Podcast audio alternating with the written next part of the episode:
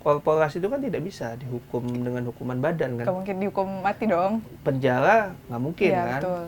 Hukuman mati korpor- korporasi bisa dibubarkan tapi kan nggak bisa ditembak gitu atau dihukum lainnya Iya, gitu ya. betul.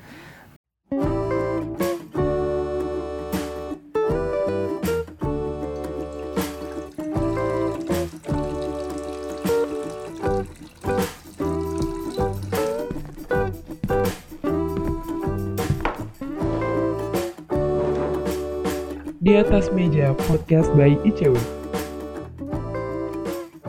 Assalamualaikum warahmatullahi wabarakatuh. Selamat pagi, siang, ataupun malam, kapan pun teman-teman semua mendengarkan. Selamat datang di podcast di atas meja by ICW. Di episode kali ini, kita akan bersama seorang narasumber. Beliau adalah Bapak Lakso Anindito, seorang technical lead dari Basel Institute. Kita sapa dulu. Selamat siang, Mas Lakso. Selamat siang Mbak. Oke, gimana keadaannya siang hari ini, Mas? Semangat dan baik. Sehat ya, tapi ya? Sehat alhamdulillah. Iya, teman-teman juga jaga kesehatannya karena kita masih di suasana pandemi, tetap jaga prokesnya juga. Oke, teman-teman, di seperti judul podcast kita kali ini nih, korporasi yang kerap luput dari penindakan korupsi ya Mas ya. Nah, di situ kalau kita ingat lagi nih di tahun 2018 itu ada eh, suatu persidangan tindak pidana korupsi khususnya di kasus suap begitu eh, dalam proses pembangunan eh, PLTU Mulut Tambang Riau 1 yang mana pada saat itu PT ada korporasi PT BNR begitu ya kita sebutnya itu melakukan suap agar perusahaan ini dimenangkan sebagai eh, pengelola untuk pembangunan PLTU Mulut Tambang Riau 1. Nah, hasil persidangan itu ternyata hanya menjatuhkan hukuman pada satu nama, itu pegawainya si perusahaan inilah begitu. Eh, kemudian ICW bersama akademisi melakukan kajian eksaminasi terhadap putusan persidangan dari kasus PLTU Mulut Tambang Riau 1 itu. Yang mana eh, ICW dan akademisi mendapati banyak sekali nih ternyata kekosongan. Salah satunya adalah kekosongan penindakan di korporasi begitu. Nah, kalau kita lihat lagi nih di kasus yang tadi itu kan sebenarnya kalau kasusnya nggak ketahuan ya, itu kan yang akan paling diuntungkan si korporasinya. Ya walaupun sebenarnya eh, perusahaan ini udah mengirimkan satu nama gitu ya, satu pegawainya untuk dihukum lah istilahnya, tapi kan perusahaannya tetap berjalan, bisnisnya tetap berputar gitu ya, laba dan keuntungannya tetap masuk nih ke perusahaannya. Bahkan di kasus ini perusahaannya juga tetap jadi pengelola untuk pembangunan PLTU-nya begitu. Nah itu kemudian yang luput nih dari proses persidangan itu bahwa tidak adanya penindakan em, tindak kejahatan atau hukuman kepada korporasi yang terlibat begitu. Nah untuk kita dalami lagi nih mas em, itu isu ini topik ini gitu ya aku akan langsung masuk nih ke pertanyaan pertama untuk mas Lakso jadi mas di kajian eksaminasi ini kan sebenarnya yang paling disoroti oleh eh, teman-teman akademisi dan ICW kan eh, luputnya itu tadi ya tidak adanya penindakan terhadap korporasi gitu dalam tindak eh, pidana kenapa kemudian eh, si perusahaan ini luput gitu mas dari penindakan hukuman Iya. Jadi kalau kita bisa lihat ya, sebetulnya tujuan dari konsep pertanggungjawaban pidana korporasi atau corporate criminal liability itu adalah bagaimana bisa mengubah em, em, apa namanya perilaku dari korporasi itu. Makanya sebetulnya eh, inti dari corporate criminal liability adalah bagaimana bisa mengubah eh, korporasi eh, korporasi yang ada dan mengubah iklim di sektor swasta dari tadinya tidak ada batasan menjadi ada batasan sehingga mereka ketika harus memastikan sampai pada level pegawai itu melakukan em, sesuatu yang comply dengan regulasi dan mencegah korupsi. Nah, dalam konteks kasus ini saya tidak akan mas- eh, masuk spesifik ya ke dalam kasusnya, ya. Iya, betul. tetapi saya akan cerita bahwa sebetulnya kalau kita lihat baik pada standar global maupun standar nasional, pendekatan yang digunakan ketika kita akan menjerat korporasi adalah pendekatan vicarious liability, yaitu di mana pegawai pada level apa pun ketika melakukan tindak pidana korupsi dan itu untuk manfaat atau keuntungan korporasi, Mhm. maka korporasi juga harus dimintakan pertanggungjawaban. Oke. Pertanyaannya kenapa? Apakah ini merupakan sesuatu yang adil? Ini sesuatu yang diciptakan untuk bisa memaksa korporasi menciptakan suatu sistem di internalnya supaya em, memastikan bahwa sampai pada level pegawai terendah pun itu tidak melakukan korupsi untuk kepentingan korporasi. Hmm. Karena kita tahu juga ketika pegawai eh, pada level tertentu dia mempunyai KPI yang harus dipenuhi di dalam korporasi, sisi lain dia ada batasan-batasan hukum. Nah, adanya pertanggungjawaban ini untuk bisa memastikan supaya pegawai tadi tidak bingung bahwa pegawai tadi ketika dia korupsi dalam level apa pun dia akan justru uh, merugikan korporasi dengan hukuman yang lebih serius. Hmm. Dan kalau kita bisa lihat data misalnya ya, um, pertanyaannya kenapa ada korporasi yang melakukan korupsi tapi tidak dihukum? Kita lihat ya, aja dari data. Sebetulnya ada dua isu, yaitu isu pertama adalah soal political will atau kemauan hmm. dari uh, penegak hukum untuk melakukan penindakan korupsi. Okay. Yang kedua adalah ada isu soal kapasitas dan kalau kita mau tambahkan lagi uh, uh, kapasitas yang ini bisa dielaborasi Nah, kalau dari sisi political will itu sebetulnya ada kita bisa bagi lagi yaitu soal adanya hukum yang mengatur. Kita lihat sendiri bahwa sebetulnya secara hukum itu sudah diatur secara jelas di pasal 20 Undang-Undang Tipikor. Oke, ada ya. Dan ketika kita bicara mengenai uh, berangkat dari evaluasi yang ada, kita melihat bahwa sebetulnya bahkan itu sudah dirinci menjadi rincian yang lebih jelas di dalam Perma nomor 13 tahun 2016. Oh ya, peraturan nah, Mahkamah Agung itu ya Mas ya? Betul, iya, kebetulan iya, saya adalah PIC-nya di uh, eh, KPK dulu ya, hmm, yang bekerja sama dengan Mahkamah Agung dan um, mendukung Mahkamah Agung dalam menciptakan atau menerbitkan Perma Peraturan itu, iya, okay. Nah, dalam konteks yang kedua, Perma ini kaitannya dengan kedua. Kalau kita lihat data statistik sampai dengan tahun 2016, uh, teman-teman, itu hanya ada satu korporasi yang dihukum. Oh, oke. Okay untuk itu dari kasus tahun, korupsi. Daud dari tahun berapa? Dari uh, pertama dari, kali adanya. Ya, dari Republik oh. ini berdiri. Okay. okay.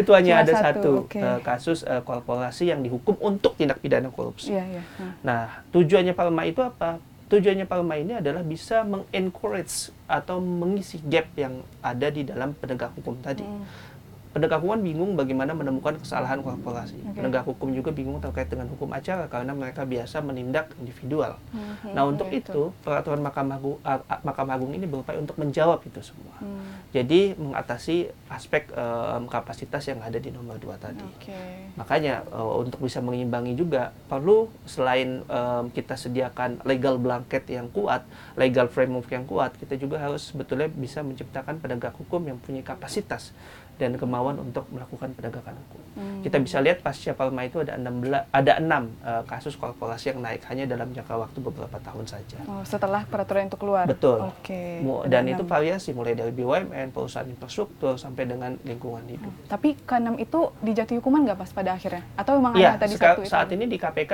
um, uh, enam kasus tersebut um, apa namanya sebagian sudah putusan inkrah, okay. sebagian masih dalam tahap penyidikan. Okay. Okay. Kebetulan saya juga dulu adalah salah satu satu penyidik yang pertama kali menangani tindak pidana pencucian uang hmm. di KPK ya dengan hmm. tersangka korporasi. Oke, menarik nih. Uh, jadi tadi kata Mas Aksu kan dari pertama Republik ini terbangun gitu ya sampai 2016 sebelum peraturan MA tadi dikeluarkan cuma ada satu kasus gitu ya Mas ya yang uh, menjerat korporasi gitu. Nah, kira-kira ada nggak sih Mas persyaratan khusus gitu kalau misalnya uh, pengadilan atau aparat hukum tuh ingin menjerat uh, uh, korporasi dalam tindakan khususnya korupsi gitu ya? Iya, sebetulnya um, saya akan coba uh, membuat ini menjadi lebih simpel ya.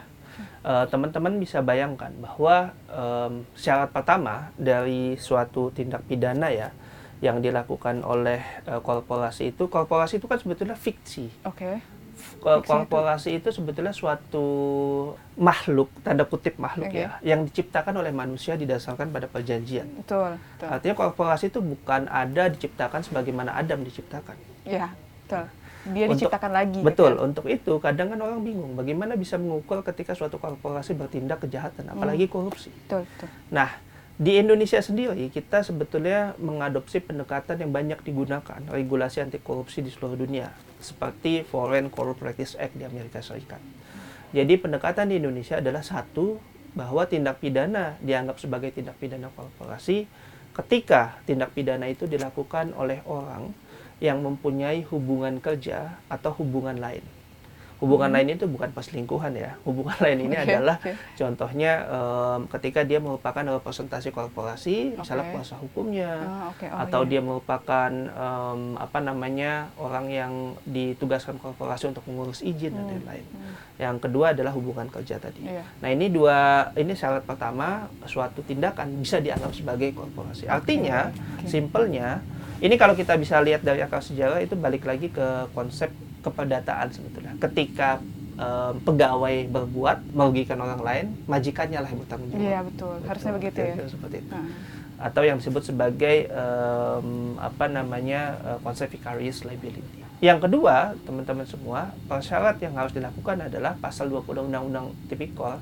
itu menegaskan bahwa eh, pelakunya pelaku tersebut melakukan tindak pidana yang masuk dalam kategori tindak pidana korupsi. mm, pasti. Jadi dia bisa bentuknya menyuap Suap. atau pasal 2 Undang-Undang Tipikor. Iya. Jadi yang ada kata-kata setiap orang. Oke. Nah, harus kalaupun kita mau gunakan pasal 3 atau pasal 12 huruf A atau huruf I harus ditempel dengan adanya pasal 55 Hmm, yaitu tindakan itu dilakukan bersama-sama. Oke. Eh, jadi antara pejabat publik dengan korporasi tersebut. Itu yang kedua. Jadi syaratnya masuk dalam kategori tindak, Tindak pidana, korupsi. korupsi. Jadi tadi pelak, apa namanya ada pegawai yang melakukan tindak pidana korupsi dan yang ketiga yang penting juga adalah tindakan tersebut dilakukan dalam lingkup korporasi. Iya pasti ya. Artinya em, tindakan tersebut memang dilakukan untuk kepentingan bisnisnya korporasi. Oke. Itu yang sebetulnya tiga syarat itu saja menjadi syarat em, apa namanya em, melihat suatu perbuatan adalah perbuatan korporasi. Pertanyaan selanjutnya sebetulnya faktor apa lagi yang perlu dipertimbangkan? Nah inilah yang sebetulnya dicoba dijawab Mbak di Perma 13 tahun 2016 kalau Mbak lihat di pasal 4. Oke. Jadi setelah kita melihat itu perbuatan korporasi, apakah bisa dipertanggungjawabkan? Bisa dilihat di pasal 4. Ada tiga em, apa namanya em, hal yang dipertimbangkan. Yang pertama, perbuatan tersebut memberikan keuntungan bagi korporasi. Oke, pasti.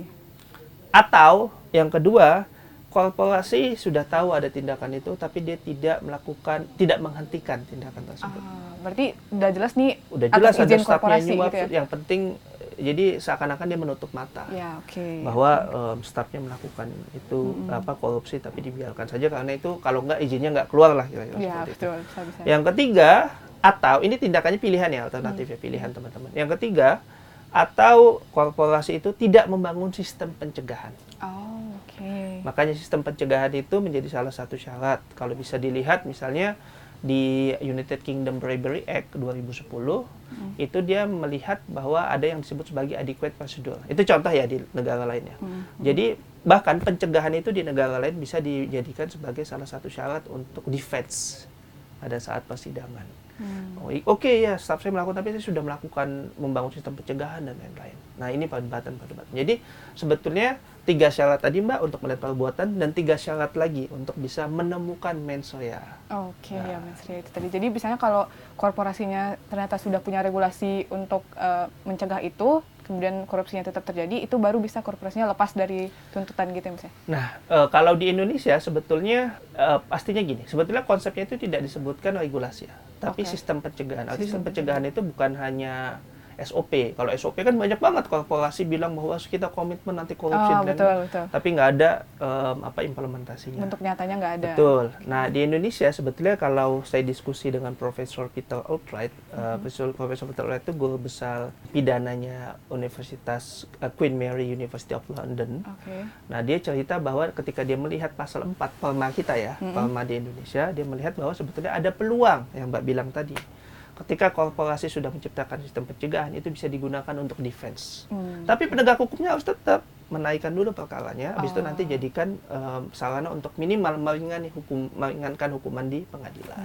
Oke, nyambung nih Mas. Eh, kita udah bahas regulasi di Indonesia. Kira-kira kalau penegakan hukum terhadap korporasi kalau di Indonesia sendiri, baik itu sebelum ada perma atau sudah ada perma tuh kondisinya gimana sih Mas?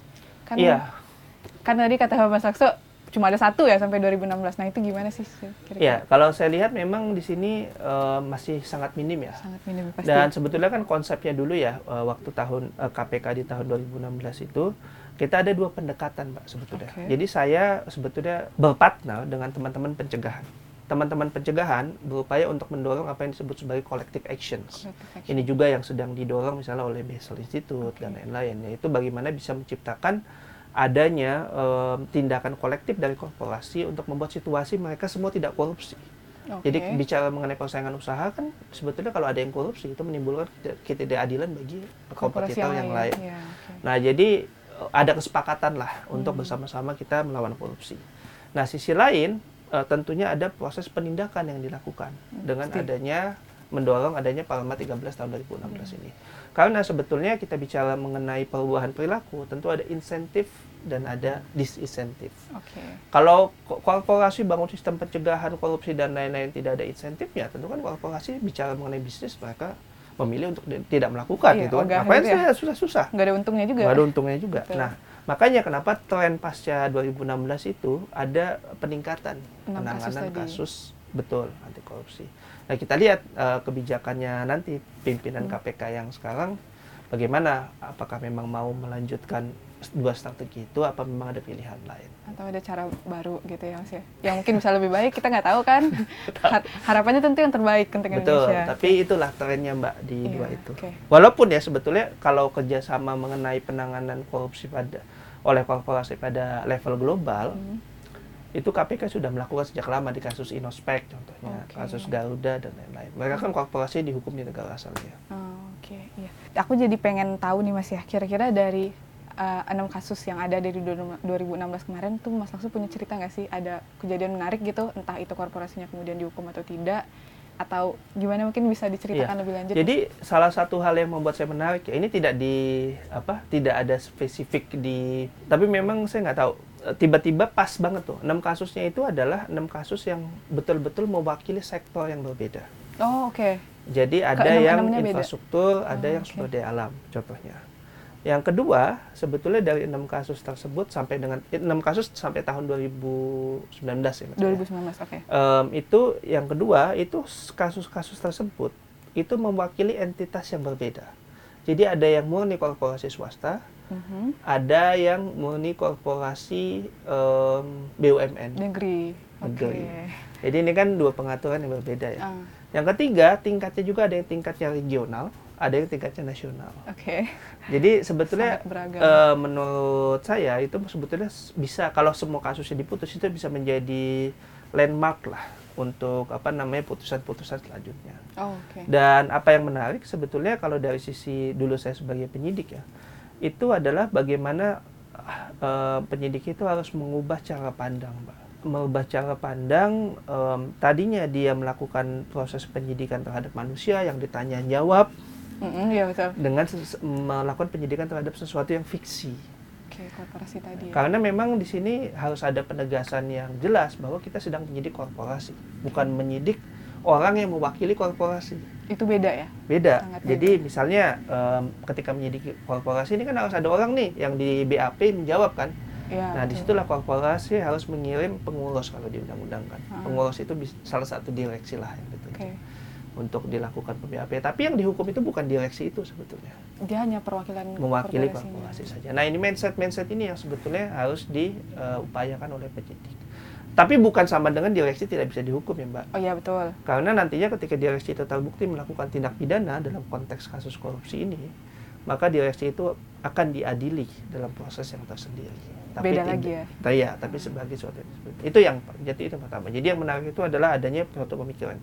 Yang kedua, sebetulnya ketika saya menang korporasi itu, itu menimbulkan suatu situasi yang berbeda dari Oke. uh, sektor swasta ya. Itu yang saya dengar dari teman-teman pencegahan. Hah? Sektor swasta akhirnya berlomba-lomba untuk menciptakan uh, tindakan bersama Oke. dalam mencegah korupsi. Artinya kan ini tren yang positif. sebetulnya. Betul, betul. Nah, makanya kenapa um, saya lihat uh, sebetulnya kolaborasi inilah yang perlu dilakukan. Hmm. Gitu.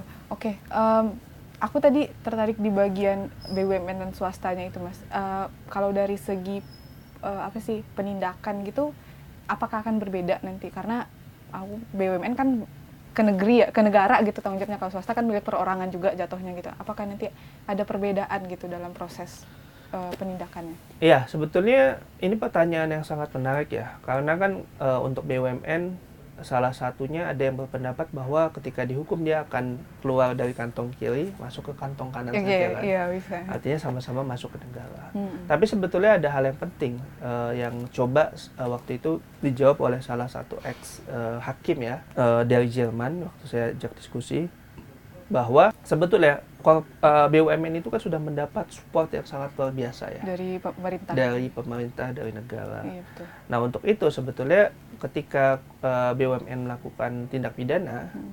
ya adalah suatu hal yang wajar untuk bisa menjadi contoh bagi swasta yang Harusnya lainnya begitu. tetap dihukum. Betul. Kalaupun nanti hukumannya itu masuk ke pemerintah, mau pemerintah dimasukkan lagi ke BUMN itu hal lain.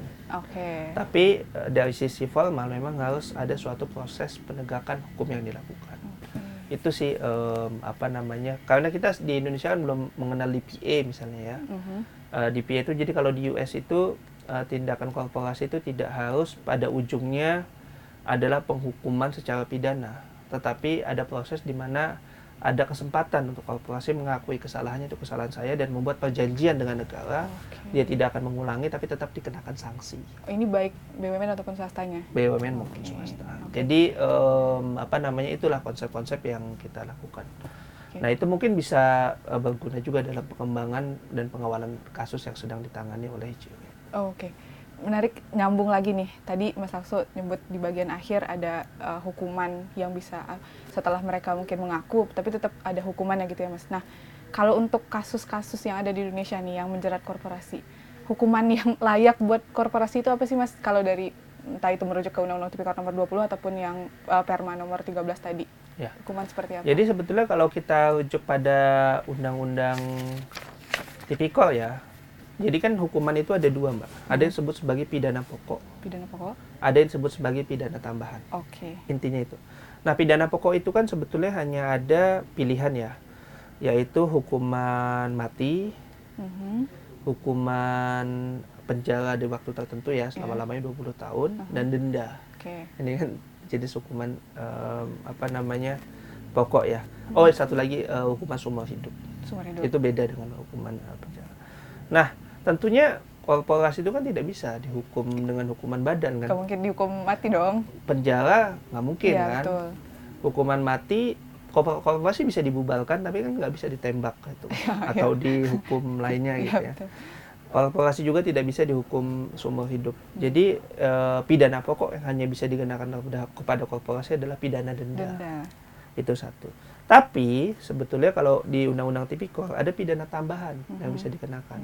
Contohnya di kasus DGI itu ada em, apa namanya pidana eh, tambahan yang dikenakan kepada korporasi, dia harus mengembalikan em, uang pengganti yang didapat dari hasil Oke. korupsi. Nah, itu pidana-pidana pokok itu kalau di kita lihat di pasal 18 Undang-Undang Tipikor jenisnya banyak, Mbak. Hmm. Dia ada em, apa namanya? em, uang pengganti, Mm-mm. ada juga perampasan, Perampasan aset. perampasan hak dan lain-lain Oh, ya. Ada juga em, pembekuan, misalnya tidak boleh ikut lelang dan lain-lain. Iya, Dan oke. itu itu hukuman-hukuman tambahan yang bisa dikenakan kepada korporasi, tapi hukuman pokoknya itu adalah pidana denda. Pidana denda ya. Berarti memungkinkan nih Mas ketika misalnya satu korporasi terbukti melakukan tindak korupsi, korporasinya mungkin di blacklist atau tidak boleh menjalankan usaha dalam kurun waktu tertentu gitu. Itu Iya, mungkin. jadi memang praktek di internasional maupun di Indonesia di putusan-putusan ada itu diterapkan. Jadi eh, korporasi misalnya tidak boleh ikut lelang pemerintah selama beberapa tahun. Ah, iya betul. Seperti itu. Oke. Jadi memang itu hal yang wajar sebagai bentuk pidana tambahan ya kepada korporasinya. kepada korporasi. Tapi ada kemungkinan em, muncul indikasi lain nggak mas misalnya nih ketika korporasi kemudian dibekukan dalam kurun waktu tertentu otomatis pegawai-pegawainya nggak kerja dong. Hmm. Oke, takutnya nih ada ham lah atau apalah gitu yang mungkin dituntutkan oleh pekerjanya karena mereka kehilangan pekerjaan mereka kan dalam kurun waktu tertentu. Nah ini sebetulnya em, perdebatan yang bangkat ini perdebatan yang sangat relevan ya. Mhm. Di, di, di- apa namanya didiskusikan pada level internasional juga Oke, bahwa ketika korporasi dihukum bagaimana dengan nasib pekerjanya. betul. Satu orang melakukan kesalahan tapi semuanya menderita. Karena iya, Nah, sekali lagi saya sebetulnya kembali ya em, bahwa corporate criminal liability atau liability of legal persons itu sebetulnya konsepnya adalah mengubah perilaku. Mau balik lagi ke awal tadi. Mas. Betul. Jadi memang dalam beberapa hal itu adalah risiko.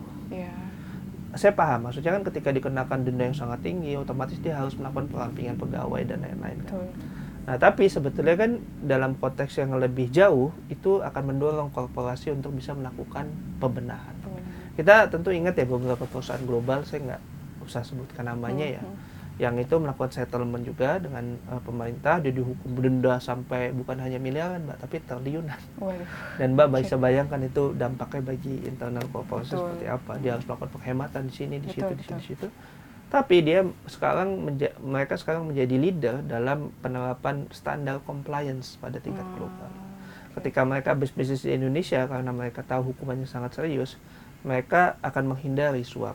Kalau misalnya ada pilihan mereka melakukan bisnis dengan suap atau tidak melakukan bisnis sama sekali, mereka akan mungkin yang memilih yang tidak melakukan tidak melakukan bisnis sama Iya. sekali karena mereka takut sekali dengan risiko. Karena resikonya jauh lebih besar Betul. daripada bikin usahanya. Nah ini sendiri. fenomena yang disebut sebagai dalam konteks global adalah multi layers enforcement, di mana satu entitas hukum itu ada beberapa penegakan hukum yang bisa dilakukan, bukan hanya pada level nasional, tapi tapi pada level level global. Oke. Dan lebih lanjut, Mbak, sebetulnya kalaupun kita bicara mengenai tadi kan hukuman pidana ya, Hmm. di hukuman perdata pun sekarang mulai meningkat tren di mana em, corporate social responsibility ini bukan CSR bagi-bagi sembako ya, Iya, bukan. iya. CSR dalam level global itu adalah bagaimana menyeting standar sesuai dengan standar em, yang disepakati pada level global. Oke. Nah, di situ em, CSR yang mereka lakukan itu adalah bagaimana memasukkan klausul anti korupsi di dalam kontrak. Jadi sehingga ketika ada partner bisa melakukan korupsi, Mereka udah punya bisa dalam implikasi yang sangat serius diputus Iya. kontrak. Oke. Jadi ini memang sebetulnya upaya-upaya untuk menciptakan suatu situasi. Perubahan di mana. Iya entitas privat itu harus comply dengan regulasi. Oke. Memang dilematis, Mbak. Iya agak. Dan itu seperti pil pahit ya yang harus ditelan Betul. dan dalam beberapa hal ada pekerja juga yang menjadi korban. Betul. Pas banget sih sebenarnya tadi itu pertanyaan terakhir aku eh, nggak kerasa nyambung aja nih udah 30 menit ngalir aja pertanyaannya sama Mas Lakso. Yang aku tangkap adalah apa peraturan untuk menghukum korporat Indonesia itu sudah ada ya Mas ya. Tinggal bagaimana eh, APH itu punya kredibilitas untuk menegakkan itu dan seperti yang disampaikan Mas Lakso tadi, korporasinya juga harus eh, ber apa ya istilahnya itu punya kemauan political will yang kuat juga untuk menindak korporasi baik itu dari dalam internal mereka ataupun dari luar begitu. Nah, eh, harapannya sih semoga ke depan tren untuk penindakan korporasi ini semakin naik ya maksudnya eh, baik itu dari segi pencegahan atau penindakannya itu semakin bagus begitu. Eh, hukumnya diterapkan seadil-adilnya baik untuk pelaku perorangan ataupun korporasinya. Dan eh, itu tadi semoga tidak ada lagi em, korporasi yang masih bisa berjalan padahal dia sudah melakukan tindakan kejahatan gitu melakukan lobby-lobby jahat dan sebagainya. Aku mau ngucapin terima kasih banyak nih untuk Mas Lakso. Obrolannya ngalir banget gak terasa gitu ya. Dan makasih juga untuk teman-teman yang sudah mendengarkan sampai habis eh, podcast kita Jangan lupa kalau mau dengar podcast-podcast yang lain, langsung aja ke Spotify-nya ICW, dicari aja gitu di atas meja by ICW, teman-teman bisa dengar podcast yang lain. Jangan lupa juga follow uh, media sosialnya ICW, ada Instagram, Twitter, LinkedIn, YouTube dan lainnya. Dan kita juga punya yang baru, ada TikTok. Nanti jangan lupa di follow juga. Um, terima kasih uh, kehadiran teman-teman, terima kasih Mas Lakso. Sampai jumpa lagi di podcast berikutnya. Dah.